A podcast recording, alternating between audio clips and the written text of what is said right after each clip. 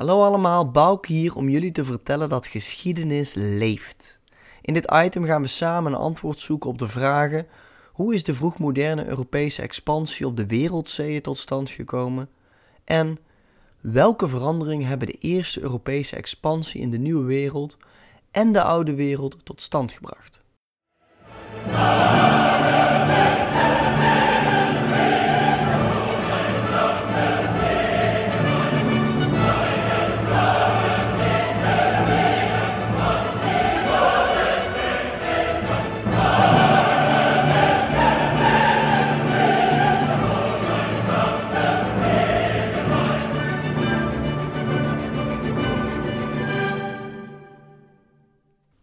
Al eeuwen gehandeld tussen het Europese continent en de gebieden daarbuiten in Afrika en Azië voor de tijd van de grote ontdekkingsreizen. De Grieken en de Romeinen onderhielden in de oudheid bijvoorbeeld al warme contacten over heel Eurazië en Afrika. Zelfs gedurende de middeleeuwen ging de interesse niet verloren in de landen die voorbij het avondland lagen. Avondland dat is een andere naam voor het christelijk Europa. Spectaculaire voorbeelden hiervan zijn bijvoorbeeld de Noormannen, die de Atlantische Oceaan bezeilden en IJsland, Groenland en uiteindelijk Finland, dat is het huidige Newfoundland, koloniseerden. Maar ook Karel de Grote, die in het jaar 810 een olifant cadeau kreeg van een diplomaat uit het islamitische kalifaat. Andere, veelal rijke middeleeuwers, genoten ook aanhoudend van de geneugten die van buiten Europa kwamen. Zo stonden specerijen uit India en China bij de rijkste Europeanen en in beperkte mate ja, gewoon op het menu. En het boek De Reizen van Marco Polo in Azië was een bestseller. Gedurende de kruistochten intensiveerde deze handel op Azië verder en kon je handelaren uit bijvoorbeeld steden als Gent in huis betrappen op het bezitten van Oosterse ambachtsproducten, zoals tapijten, spiegels en zijden sjaals ook gedurende de middeleeuwen is er dus eigenlijk voortdurend contact tussen Zuid en Noord en West en Oost. Maar na 1400 ontwikkelden Europeanen een verlangen en het vermogen om gedurende de 15e eeuw een heuse eeuw van Europese ontdekking te ontketenen in Afrika, Azië en een geheel nieuwe wereld in de Amerika's. Gedurende de Renaissance ontvlamde er een interesse in nieuwe werelden gevoed door de geschriften van antieke auteurs over mythologie, reizen en verre culturen. Deze tijd van expansie en ontdekking werd gedreven door technologische ontwikkeling, nieuwsgierigheid, groeiende geografische kennis, maar ook Europese superioriteitsgevoelens en christelijke zendingsdrang. Helemaal voorop stond echter de drift naar economisch gewin met politieke macht tot gevolg. Maar hoe komt de tijd van de grote ontdekkingsreizen dan tot stand?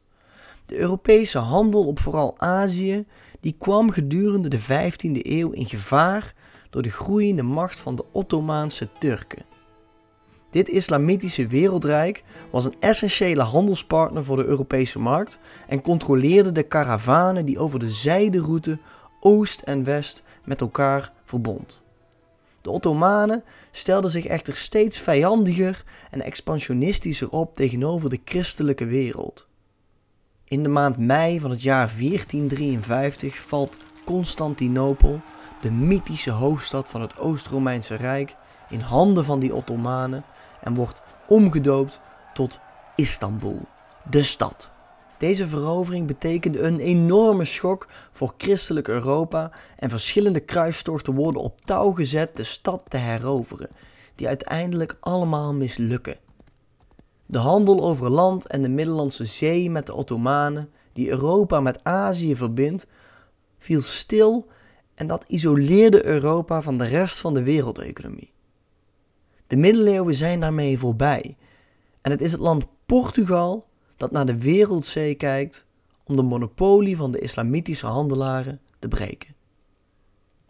De Portugezen onder hun koning Hendrik de Zeevader waren de eerste Europeanen die de complexe technieken van het beroeren van de wind en getijen van de Atlantische Oceaan en de Afrikaanse kusten perfectioneerden.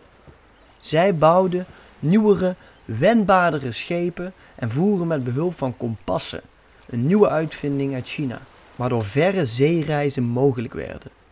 Hendrik was geïnspireerd door de mythe van Mansa Musa, de steenrijke koning van Mali in West-Afrika. Die koning was in 1325 naar Mekka gegaan met een enorme entourage van wel 60.000 volgelingen, 12.000 slaven en enorme vrachten met goud. Hij werd het model voor de Portugezen van wat er allemaal wel niet te bereiken viel met de handel op onbekende werelden. De Portugezen creëerden gedurende de vroege Renaissance een netwerk van geïsoleerde handelsforten aan de Afrikaanse kust om de stroming van goederen te controleren. Met geweld werd handel met de lokale bevolking afgedwongen. Aan de kusten werden mensen ontvoerd en verhandeld met lokale heersers om tot slaaf gemaakt te worden. In het jaar 1488 was het uiteindelijk Bartholomeus Diaz die als eerste Europeaan met een schip voorbij de Kaap van Afrika vaart. Tien jaar later, in 1498, is het ook weer de Portugees Vasco da Gama die voor het eerst over zee doorvaart over de Kaap naar het rijke India. Daarmee begint de Kaapvaart. In bijvoorbeeld de eilanden van Kaapverdië en later de westkust van India worden Portugese koloniën gesticht. Bewoond door Portugezen waar zij tot slaafgemaakte mensen dwongen om commerciële producten te produceren voor de internationale markt. Europese handel op Indië, onafhankelijk van de islamitische handelskanalen, werd een feit. Vanaf de 16e eeuw vormden de Portugezen de belangrijkste importeurs van Aziatische goederen als thee, porselein en specerijen. Portugal ontpopte zich door deze expansionistische praktijken op de Atlantische Oceaan en de handel op Azië tot de eerste vroegmoderne koloniale macht van Europa. Het rijk van de Portugezen was gebaseerd op handelsposten aan de kust, die de handel controleerden, maar dus niet de binnenlanden. Het op touw zetten van ontdekkingsexpedities wordt in navolging van de Portugezen een heuse hype in Europa. Veel ontdekkingsreizigers zullen met wisselend succes de prestaties van figuren als Vasco da Gama proberen te evenaren. Zo ook zal de Nederlander Willem Barents sterven na een schipbreuk bij Nova Zembla in zijn poging om over het noorden Azië te bereiken. Spanje keek met groeiend ongenoegen naar de macht en de welvaart van hun Portugese buren. Spanje was voorheen een mozaïek geweest van koninkrijken en kalifaten, maar was in de late 15e eeuw aan het einde van haar christelijke reconquista en zat in een proces van eenwording onder de koning Ferdinand van Aragon en koningin Isabella van Castilië. In het beroemde jaartal 1492 huurde zij een Geneese zeevaarder in van eenvoudige komaf. Zijn naam was Christopher Columbus. Hij had het plan opgevat Azië te bereiken door naar het westen te varen.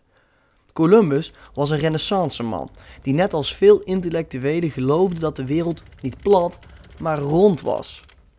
Door naar het westen te varen kom je dus uiteindelijk uit in het oosten, was zijn redenering. Portugal en andere Europese machten achten zijn plan te riskant. Zij wilden hem niet inhuren. Maar Ferdinand en Isabella durfden die uitdaging wel aan. Op drie schepen en een kleine bemanning van 90 personen vertrok Columbus op zijn reis. Op 12 oktober 1492, zeven weken na hun vertrek uit Spanje, bereikte Columbus een eiland in het Caribisch gebied. Met het vaandel in de hand nam hij het eiland in naam van het Spaanse koningsexpaar in bezit. En hij noemde het San Salvador, de heilige verlosser. De lokale bevolking werd Indianen genoemd, aangezien Columbus in de veronderstelling was dat hij dus in Indië aangekomen was.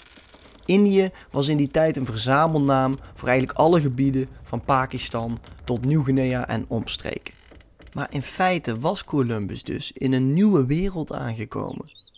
Althans, een wereld die nieuw was voor Europeanen. Waar was hij? Hij was, om precies te zijn, in de Bahama's. Nou, De reis van Columbus was de belangrijkste van alle ontdekkingstochten en zou verstrekkende gevolgen hebben voor de wereldgeschiedenis. Met de expedities en veroveringen die daarop volgden, begon de eeuwenlange Europese expansie en exploitatie van over de hele wereld. Ontdekkingsreizen en veroveringen, ja, die zijn van alle tijd, maar nog nooit eerder omspanden zij de hele aarde. Dan is het tijd voor een fantastisch feitje maar weer, want je vraagt je misschien wel af waarom wij Amerika Amerika noemen en niet Christoffia. Nou, dat komt omdat tot de dood van Columbus in het jaar 1506 blijft hij in de veronderstelling dat hij dus een nieuwe route heeft gevonden naar Indië.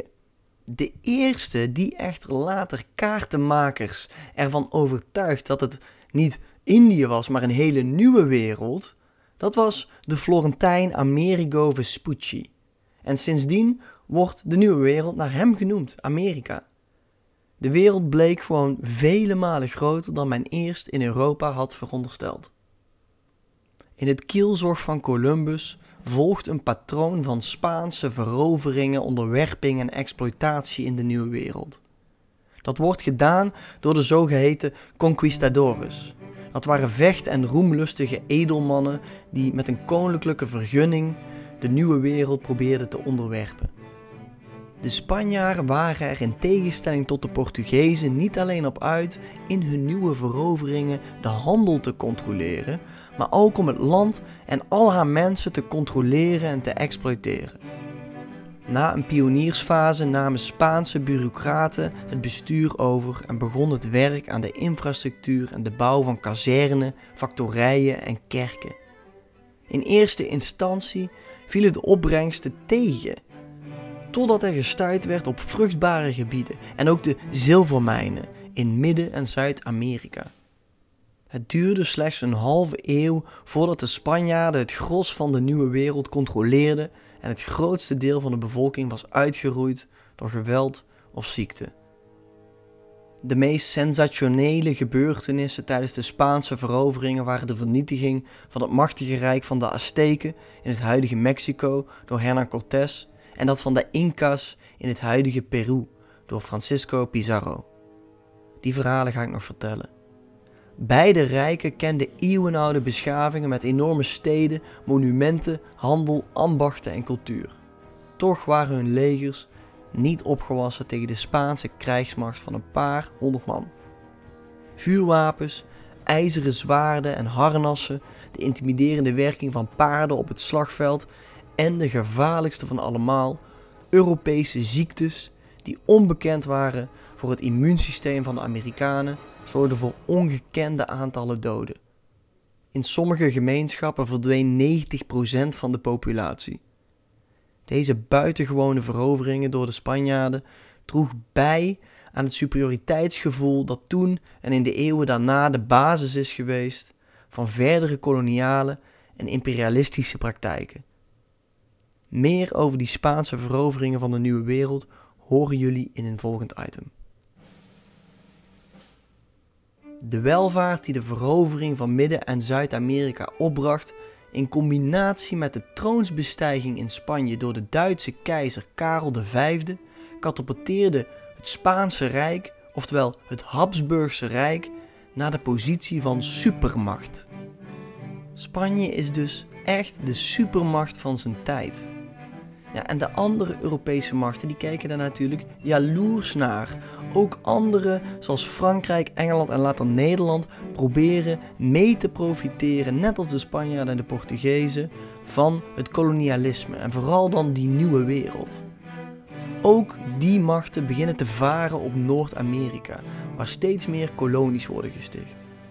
Er ontstond een soort van run op Amerika. Dat werd gezien als een ongetemd land van onbegrensde mogelijkheden en tot dan toe onbekende rijkdommen. Voorbijgaand aan de miljoenen oorspronkelijke bewoners in deze zogenaamd nieuwe wereld, werd Amerika het nieuwe strijdtoneel van de ambities van Europese machten. Buiten Amerika was de Europese invloed in de wereld in die 16e eeuw nog beperkt. Toch zouden de ontdekkingsreizen een keerpunt in de wereldgeschiedenis blijken. De Europeanen verbonden alle werelddelen met hun reizen aan elkaar. Ontwikkelingen op één bepaalde plek zouden steeds vaker gevolgen hebben voor alle andere delen van de wereld. Van het verspreiden van goederen tot ideeën, maar ook dus ziektekiemen. Door de contacten met Amerika, Afrika en Azië verschoof het zwaartepunt van het Europese handelsnetwerk van het Middellandse zeegebied naar de Atlantische kusten. Antwerpen werd daar in de 16e eeuw het centrum van. En na 1585 nam Amsterdam deze positie weer over. De welvaart en macht van Europese machten in de komende eeuwen zouden voortaan voor een belangrijk deel gebaseerd worden op de erfenis van de ontdekkingsreizen en het daarop volgende kolonialisme. Tot de volgende keer.